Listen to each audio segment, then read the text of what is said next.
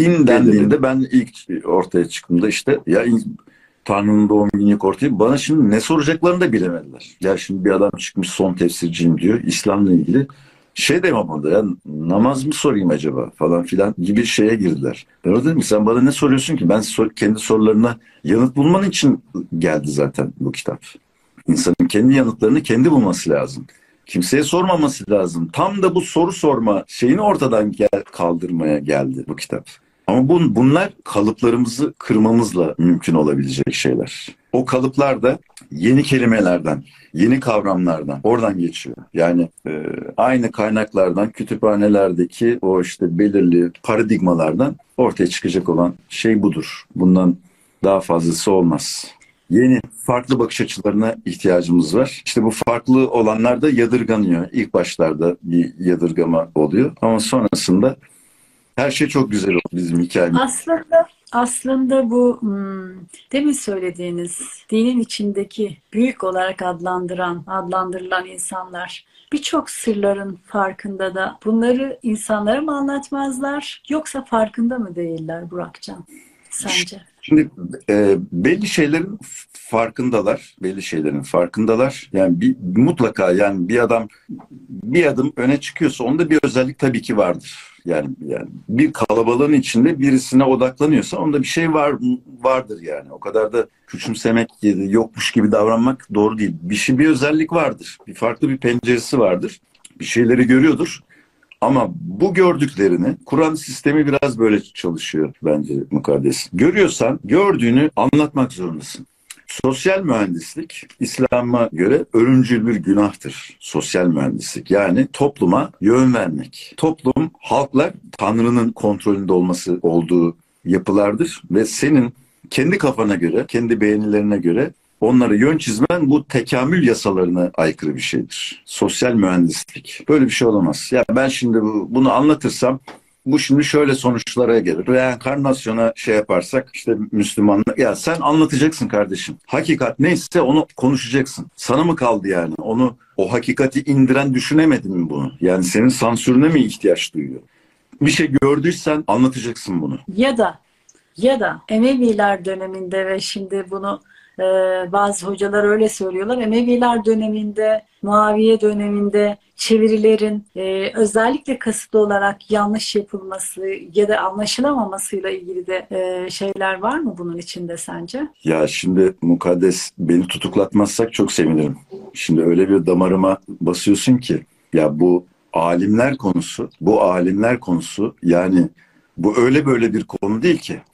İslam İslam daha da Hazreti Muhammed'in ölmesini bile bekleyememişler. Daha Hazreti Muhammed sağken bile şeye girmişler. Yani İslam tarihte bundan daha çok sabote edilmiş bir kavram daha olamaz. Bizim e, alim ol yani şu an Lev Mahfuz mesela çok uçuk geliyor ya insanlara ben anlat oyda böyle şey var mı? Böyle mi bir şey miymiş İslam? Aslında uçuk değil ki ilk günden beri bu şekilde. Ama insanlar gerçekleri öyle bir hale getirmişler ki ve bu kesinlikle bir organize hareket. İslam sabote edilmiş. Bunun için din kitaplarına, bunu anlamak için din kitaplarına bakmaya da gerek yok. Müslüman coğrafyanın sosyoekonomik verilerine bakın. Bir de haritaya bakın. Orta Doğu haritasına bakın. Oradaki devletler haritasına bakın. Bunu anlamanız için yeterli veri vardır zaten. Müslümanlık bu haldeyse bunun sebebi alimlerdir. Alim, alim, alim bile yanlış bir kelime bak. Bilen değil mi? Alim bilmekten geliyor değil mi? Bilen değil, anlatan olması lazım doğru kavram. Ben nereden bileceğim? İşte o camın arkasına bir hocayı koymuşlar. O diyorlar alim yani biliyor. E ben onun bildiğini nereden bileceğim? Anlatması lazım. Yok o biliyor. Yani kelime bile doğru değil. Kendi içinde öyle bir gizemli bir hava var ki bunlar her şeyi bilmişler. Hiçbir şey bildikleri yok. Yani bildikleri olmadığı gibi belli efendiler var böyle 300 yıl önceden, 500 yıl önceden, 1 yıl önceden yazılmış. Onlar da bir şey bilmiyorlar. Ama bir çember oluşturmuşlar. Herkes bir şey söylüyor. Hiç kimsenin bir şey bildiği yok İslam'la ilgili, Kur'an'la ilgili. Yani normal bir vatandaşta yani normal bir vatandaş anlayabilir bu insanların, hani o alimleştirdiğimiz insanların birçok şeyi anlayabilir. Fakat öyle bir çember yani anlamadıkları bir şeyi öyle güzel endüstrileştirmişler ki, öyle güzel öğretileştirmişler ki. Bu çok enteresan bir şey. Yani insan anladığı bir şeyi kendine yontar. Bunlar anlamadan öyle bir kalabalık yaratılmış ki bir çember içinde hepsi bir şey anlatıyor ve hepsi birbirine atıf yapıyor. İşte falan hocanın dediği gibi o da diyor ki filan hazretleri bunu yazmıştı. Sana geliyor burada da şöyle denmişti. Dendiğinde sen dikkatin tamamen dağıtılıyor. Bir İslami literatür taraması yapacak olursa bir tenis topu gibi o oraya atıf yapıyor, bu buraya yapıyor. Aslında konunun özü hiçbiri hiçbir şey bilmiyorlar. Anlamaya çalışıyorlar. O da diyor ki işte Hazreti Muhammed giderken şöyle birine şöyle bir bakış atmıştı. O ona şöyle bir şey söylemiş. Tilerden bir dedektif gibi bir şeyler çıkartarak bir şey anlamaya çalışıyorlar. Ama bir şey bildikleri yok. Ama bu kadar bilmeyen insanın bir coğrafya içinde bu kadar hakim durumda olması çok enteresan bir şey. İşte hani kasıt ya da organize hareket dediğim olay bu. Yani ben kendi hikayemde şunu biliyorum ki yani e, hani şey gibi bu terör örgütleri gibi. Ya yani bir terör örgütü varsa dünya üzerinde herhangi bir örgüt varsa mutlaka arkasında bir devlet gücü vardır. Yani biz beş kişi bir örgüt bizi bir buçuk saatte yakalarlar. Biz beceremeyiz bile. Ama düşünün böyle onlarca, yıllarca nasıl organize bir şekilde var olabildiğini bir tanesi de bizim ülkemizin başına bela. Bunların arkasında devlet var, devletler var. bu karşı düşman devletlerle savaşmanın bir yolu olarak bulunmuşlar. Yani bir örgüt görüp bunun arkasında bir, bir yapılar var. Bu alim dediğimiz insanlar diye. Bak ben şimdi biz geçen yayında 100 bin kişi çok müthiş güzel bir deneyim yaşadı değil mi? Ee, şeyde YouTube'da olağanüstü şeyler var, yorumlar var. Şimdi hep beraber delirelim. Bu, bu hiç kimseye yansıdı mı böyle bir şey? Ancak bunu sen birisine işte fısıltıyla söylüyorsun. Ancak bu şekilde bu bir yerde bir gündem haline getirildi mi? Belki o anda belki bir dünya rekoru kırdık. 100 bin kişinin belki Tanrı ile ilgili, İslam'la ilgili bakışı değişti 3 saate. Hep beraber belki. Yani bunu yaşayanlar oldu da hani rakamı evet. oldu, dökülmüş olarak. Belki böyle bir şey oldu. Yani bu bunun bir haber değeri olmaz mı? Bunun bir inceleme konusu olması gerekmez mi? Bunu sadece birisi birisiyle paylaşıyorsa öyle insanların haberi oldu. Ama ben o yayında İslam'ın profilini düşürseydim, İslam'ı acınacak hale getirseydim, ben orada bir karikatürü oynasaydım, kadınları aşağılasaydım, anlatabiliyor muyum? Bir sahte peygamber şeyiyle İslam'ı aşağılara çeken bir yayın yapsaydım 10 milyon kişi izlemişti o yayını. Evet. Bu algoritma evet. yaymıştı. Dünyanın köşesinden beni şey yapmışlardı. Müthiş. Ama ben Rabbimi sevdirmeye çalışıyorum. Rabbim gördüğün ona bir özellik eklemiyorum. O zaten sevilesi bir varlık. Ben İslam'a kalite getirmeye çalışıyorum. Bak Dabbetül Arz diye bir video e, yaptım ben Levi Mahfuz TV kendi kanalımda. O bir yani bir alamet gibi hiç istemeyerek yapmak zorunda olduğum için yaptığım bir şey. O videoyu izliyor insanlar ve o videodan sonra şeytanla ilgili şeyler koyuyorlar. Öneriler koyuyorlar şeyin içine algoritmalar. Hmm.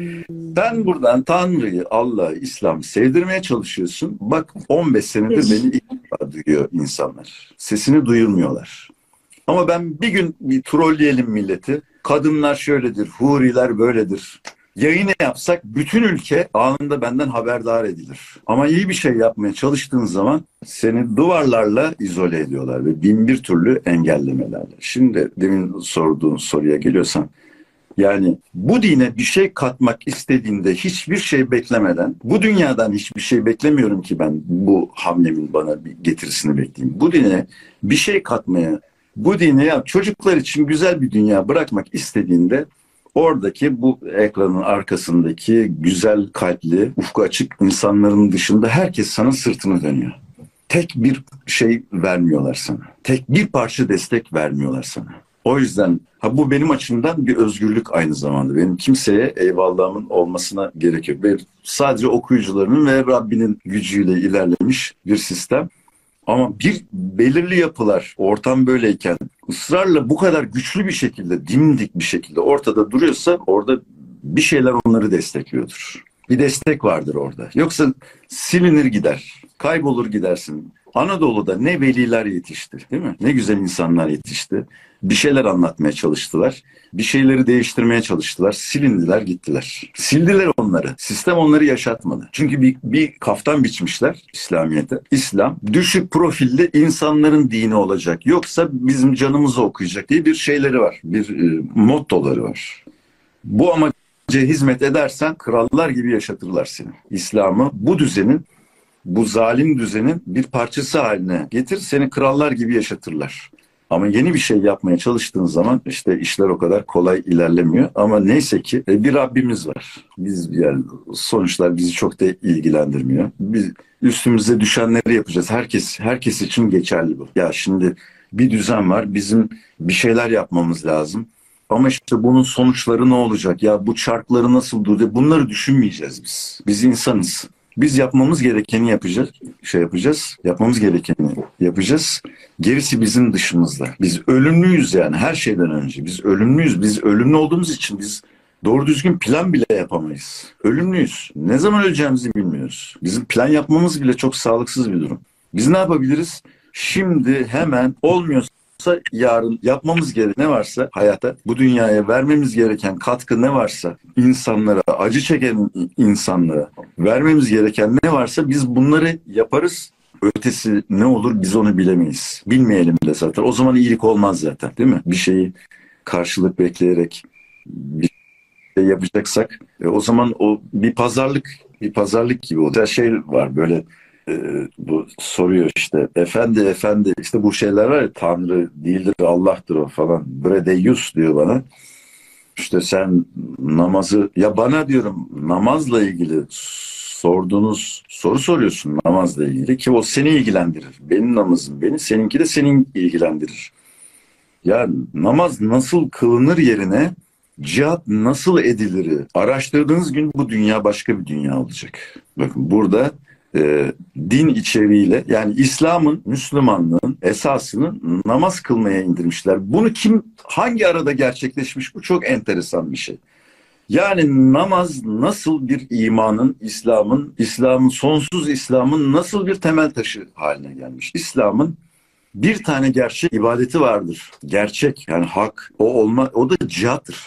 Ama cihat nedir? Cihat işte eline silah alıp ateş etmek değildir. Tam tersine cihat insanlığı yaşatmaktır. İnsanlığı yaşatmak adına dünyada e, zulme uğramış, haksızlığa uğramış, kimliği yok edilmiş insanların yanında durmaktır. İnsanlığa faydalı olmaktır. İslam'ın temel şartı budur. Şimdi bu temel şartı kaydırdın yerine namaz öyle mi olur, namaz böyle mi olur? Şimdi bunun içine sıkıştırdığın zaman Orta Doğu'da da herkes Avrupa Birliği pasaportunun peşine düşer. Yaşanmaz hale gelir. Orta Doğu'yu bu hale getirebilmek için, dünya haritasını bu hale getirebilmeniz için İslam'ın din içeriğini de değiştirmeniz gerekiyor. İşte yaptıkları da bu. Cihat bak bu hiç gördünüz mü Ramazan programlarında, din sohbetlerinde, Bugün sadece Gazi Özdemir hocamızda duydum aynı şeyi. İlk defa orada çok şaşırmıştık. Cihat, Cihat. bizim eline silahı alıp savaşmak. Temel temel felsefesi. Leo Mahfuz'un temel felsefesi.